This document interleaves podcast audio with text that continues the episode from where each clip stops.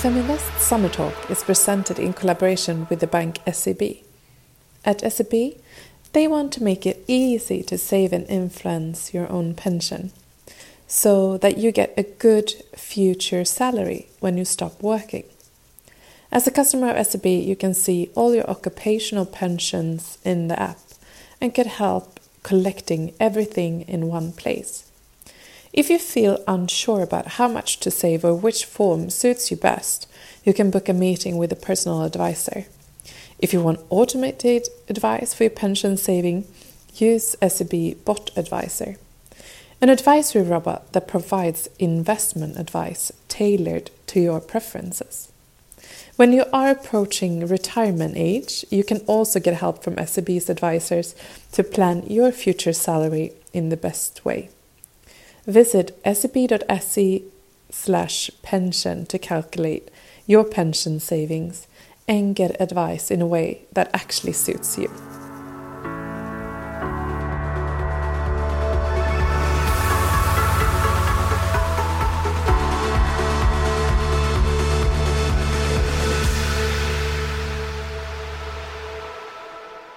Five years and three months ago, I did one of the scariest and therefore bravest things I have ever done. It was Women's Day, and I was invited to open the Women in Tech conference in Stockholm. In front of thousands of women and a bunch of journalists, I dared to share my own poetry in a business setting. It was not necessarily normal behavior, but it felt true to me, or truly me. As soon as I got the question to do this Feminvest summer talk, I thought about those words. I wrote them. Because it's a love song for women like you, whose face is marred by dust, because you're in the arena striving, failing, and succeeding. But before we get to that emotional goodie bag of words, we need to talk about money.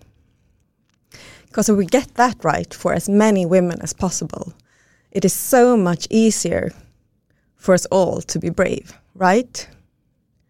And that's what I want. At the heart of it, I think that is what women careering, investing, entrepreneuring is deeply all about. Freedom to be truly you, beyond norms and expectations. Room to create the change you want for yourself and others in your private life, in your professional life, and in society at large. Anais Nin coined the famous words life shrinks or expands in proportion to one's courage.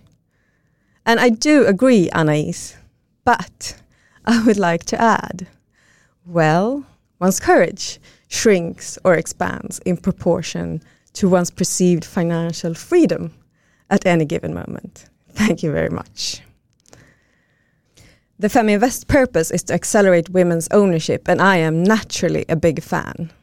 Together with many brilliant women, I have built the think tank Ownershift to what it is today. A spotlight continuously putting women's ownership on the agenda in media, public opinion, and politics.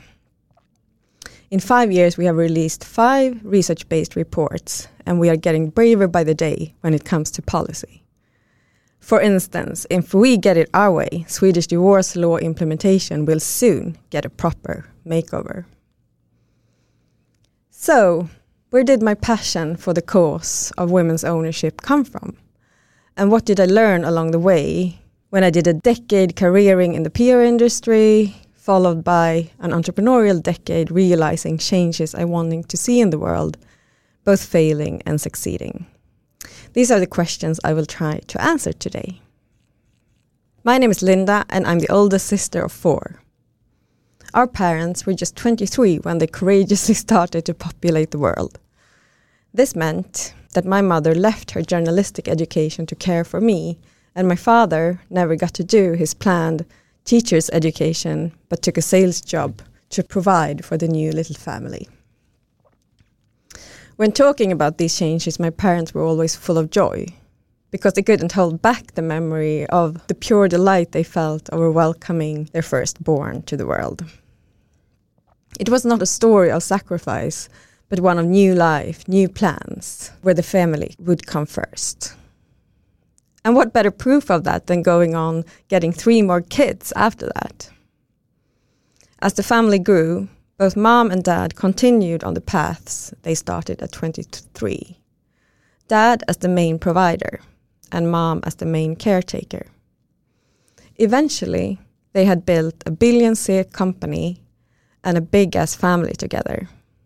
The company was sold, and they had done an quote unquote American dream worthy class journey together. Or had they? As a they? Before I go on with this story, I think it's valid to point out that for a kid, what shapes your memory and perception is not the nitty gritty details of a chain of events. The kid brain doesn't gather all the facts, it perceives things as they feel to you. So, with that said, the feeling to me was that the money and glory was his. And even though I didn't have the vocabulary for it until much later in life, but now when I do, my feeling was that my mother, during the years of my upbringing, did not have financial autonomy.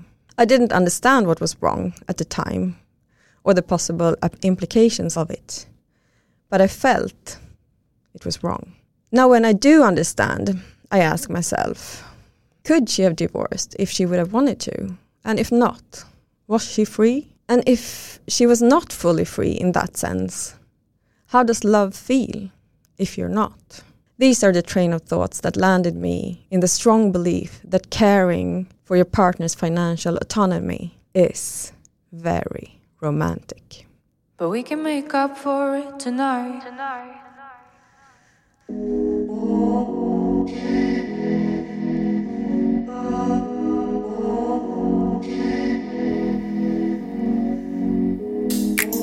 Notice your eyes, they tell me more than you will. I know my highs, I know them all too well. We've done this thing before. I know you'll cause a show. We can make up for it tonight. You can make up with me tonight. You, me, say what's our love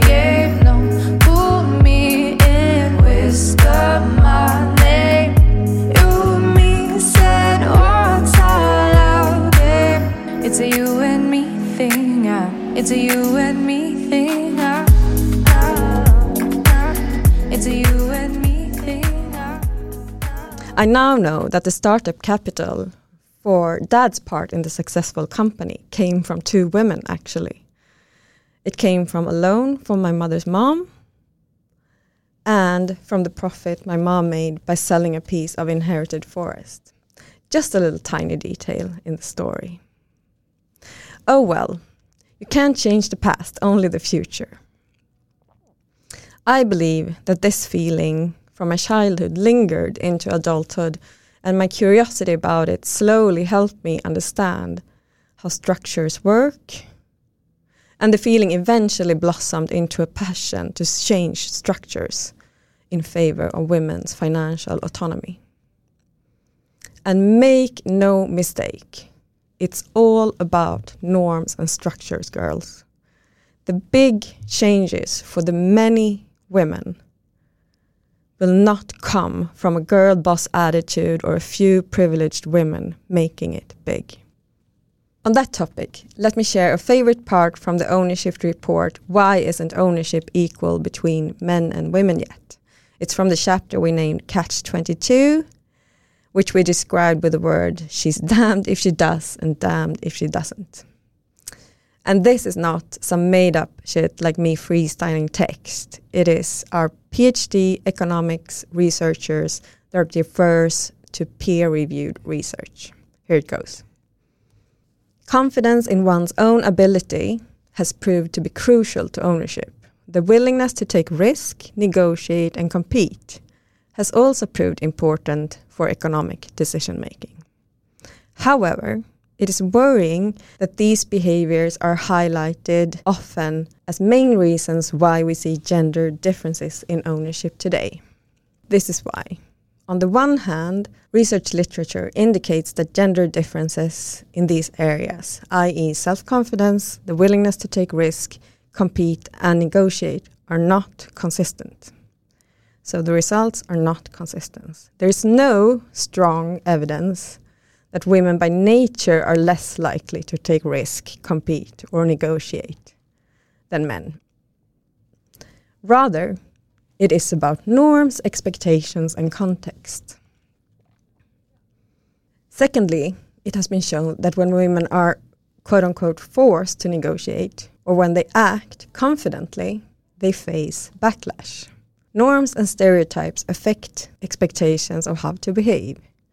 These expectations imply that equal ownership will not be attained simply by women increasing their self confidence or negotiating more, as the negative consequences of doing so are often greater than the upside. So that's one of my favorite reports from Ownershift.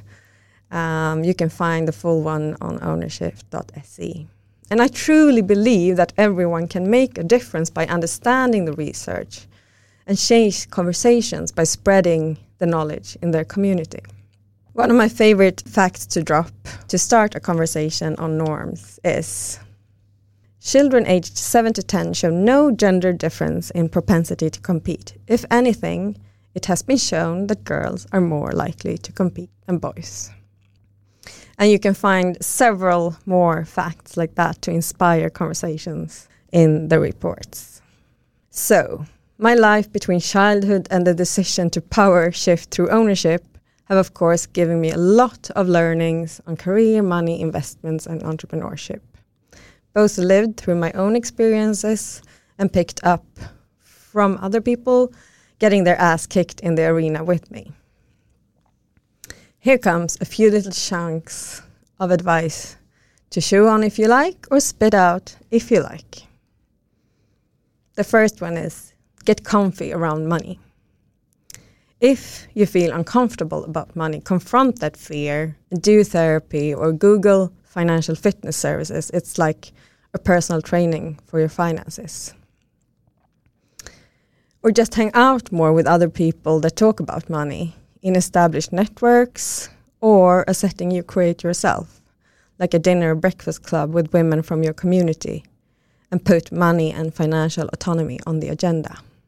It can be that simple. If you are employed and want to be able to be truly you, as truly you as possible, and giving yourself room to be uncomfortable, my advice is to put yourself in a revenue driving role because that is how I managed to keep my jobs when I was employed, get promoted, and stir shit up. I always generated a lot of money for the owner or owneress of the company.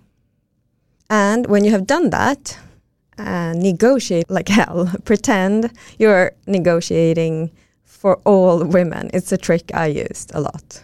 And also, on the basis of that revenue you create, you can be daring in suggesting promotions for roles you want yourself. Don't wait for it to come for you.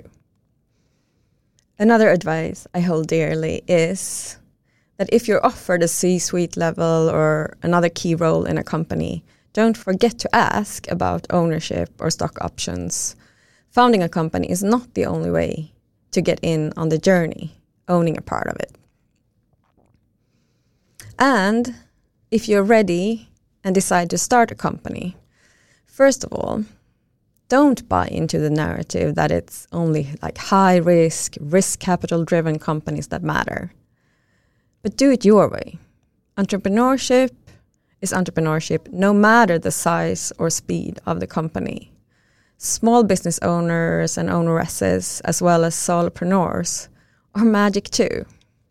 Secondly, if you want to take the chance on an idea that actually needs capital, my advice is don't risk too much of your own money because you're risking enough with the time and energy you put on the line already. Dare to bring in investors, but the right investors early on. Thirdly, if you choose that route, building companies with money, understand the business model of the investors you go for and make sure your case actually fit their business model. Otherwise, you're not only wasting their time, but your own as well. And if you want to invest in unlisted companies, become an angel, as it's so beautifully called, know that you can invest other stuff than money if that's not your deepest pocket. You can invest skills or network and get shares for doing so. And if you want to invest in listed companies, I would recommend you join an investment club or similar to make the best of your savings, even if you start very small, and have fun while you do it and learn together. And finally, a few of my favorite advice. Celebrate often, celebrate own rest steps and milestones throw business showers or first investment showers or taking risk showers. Just go, go, go. You change norms while having champagne. Perfect, right? And throw some baby showers for your male friends and colleagues while you're at it. And say thank you a lot to other people encouraging and supporting your bravery, your own rest journey, and to yourself for every little baby step. And also celebrate quitting as you celebrate starting. If something was not as fun or rewarding as you thought it would be, it is okay to quit. Your most valuable resource is, after all, your time, energy, focus, creativity, and competence. Treat it as such. If you learn a job or a setting is a bad investment for the company, you don't keep investing. And finally, don't get caught up in what others say or think about what is a good career, a solid amount to have on your savings account, what is a reasonable risk for you, etc., etc. Listen to advice, but take decisions based in your core.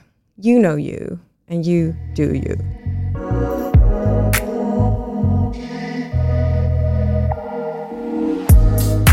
I've set the scene, your fingers through my hair.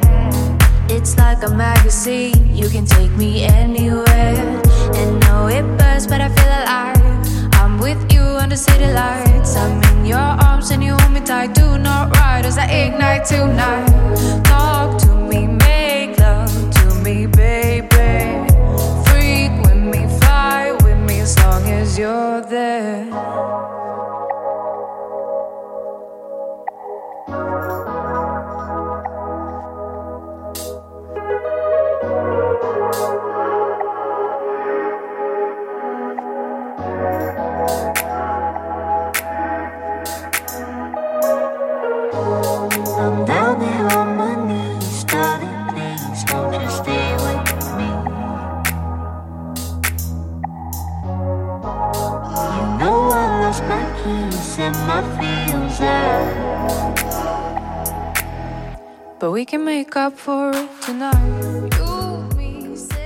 I have spent so much energy on thinking I should be more normal, think or do more like others. And I will not be able to get any second of my life spent on that back. I could have changed norms or written poetry. With that said, it's time for that love song I named Adore You. Here we go. The day has come for us to be straight with each other, to have that honest conversation. I will start by telling it like it is. I do adore you. Like steam in my song, glow in my gut, flowers wedged between my thoughts, adore you. I adore your unwillingness to accept. I absolutely adore your uncanny way of taking a stand. I so adore the unsubtle way you make power shift. No, actually, I'm mad about you, like wings in my veins, tornadoes in my torso, hot air balloons on my shoulders, mad about you. I am full on mad about your courage, courageously blurring shitty boundaries, fiercely drawing new, shiny boundaries, bravely protecting these boundaries. I am all women of yesterday, today, and beyond. You are all women that has been, that are, that will be. I am all women, and so are you. We are women of a brave new world. I do thank you. Thank you. I fuel your fire on your burning days, ignite, flare, burn.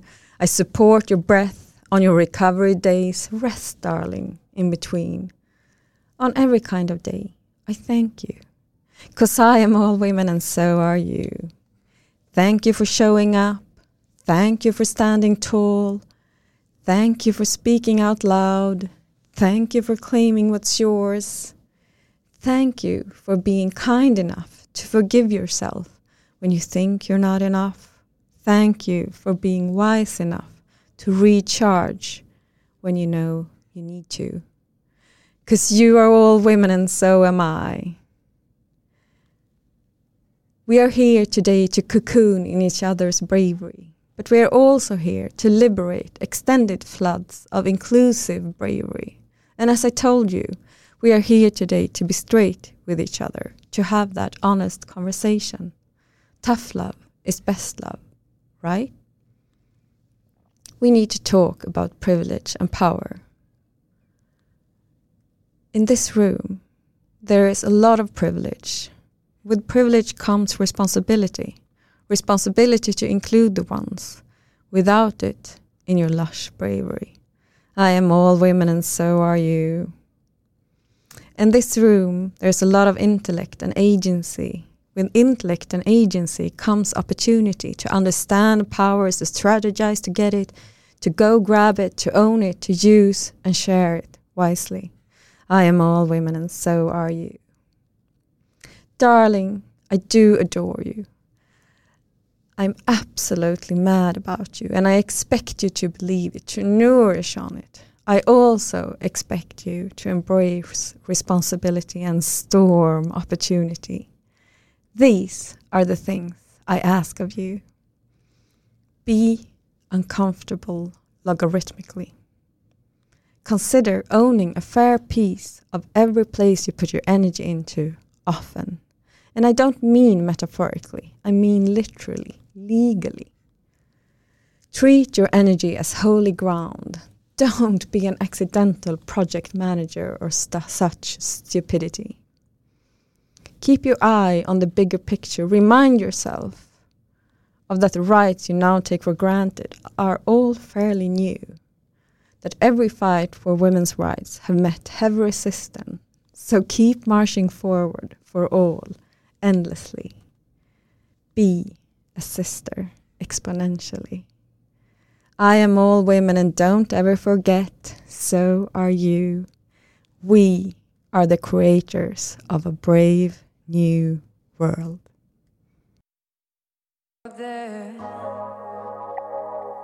The music in this summer talk is by the artist Ragnhild with the song Love Game.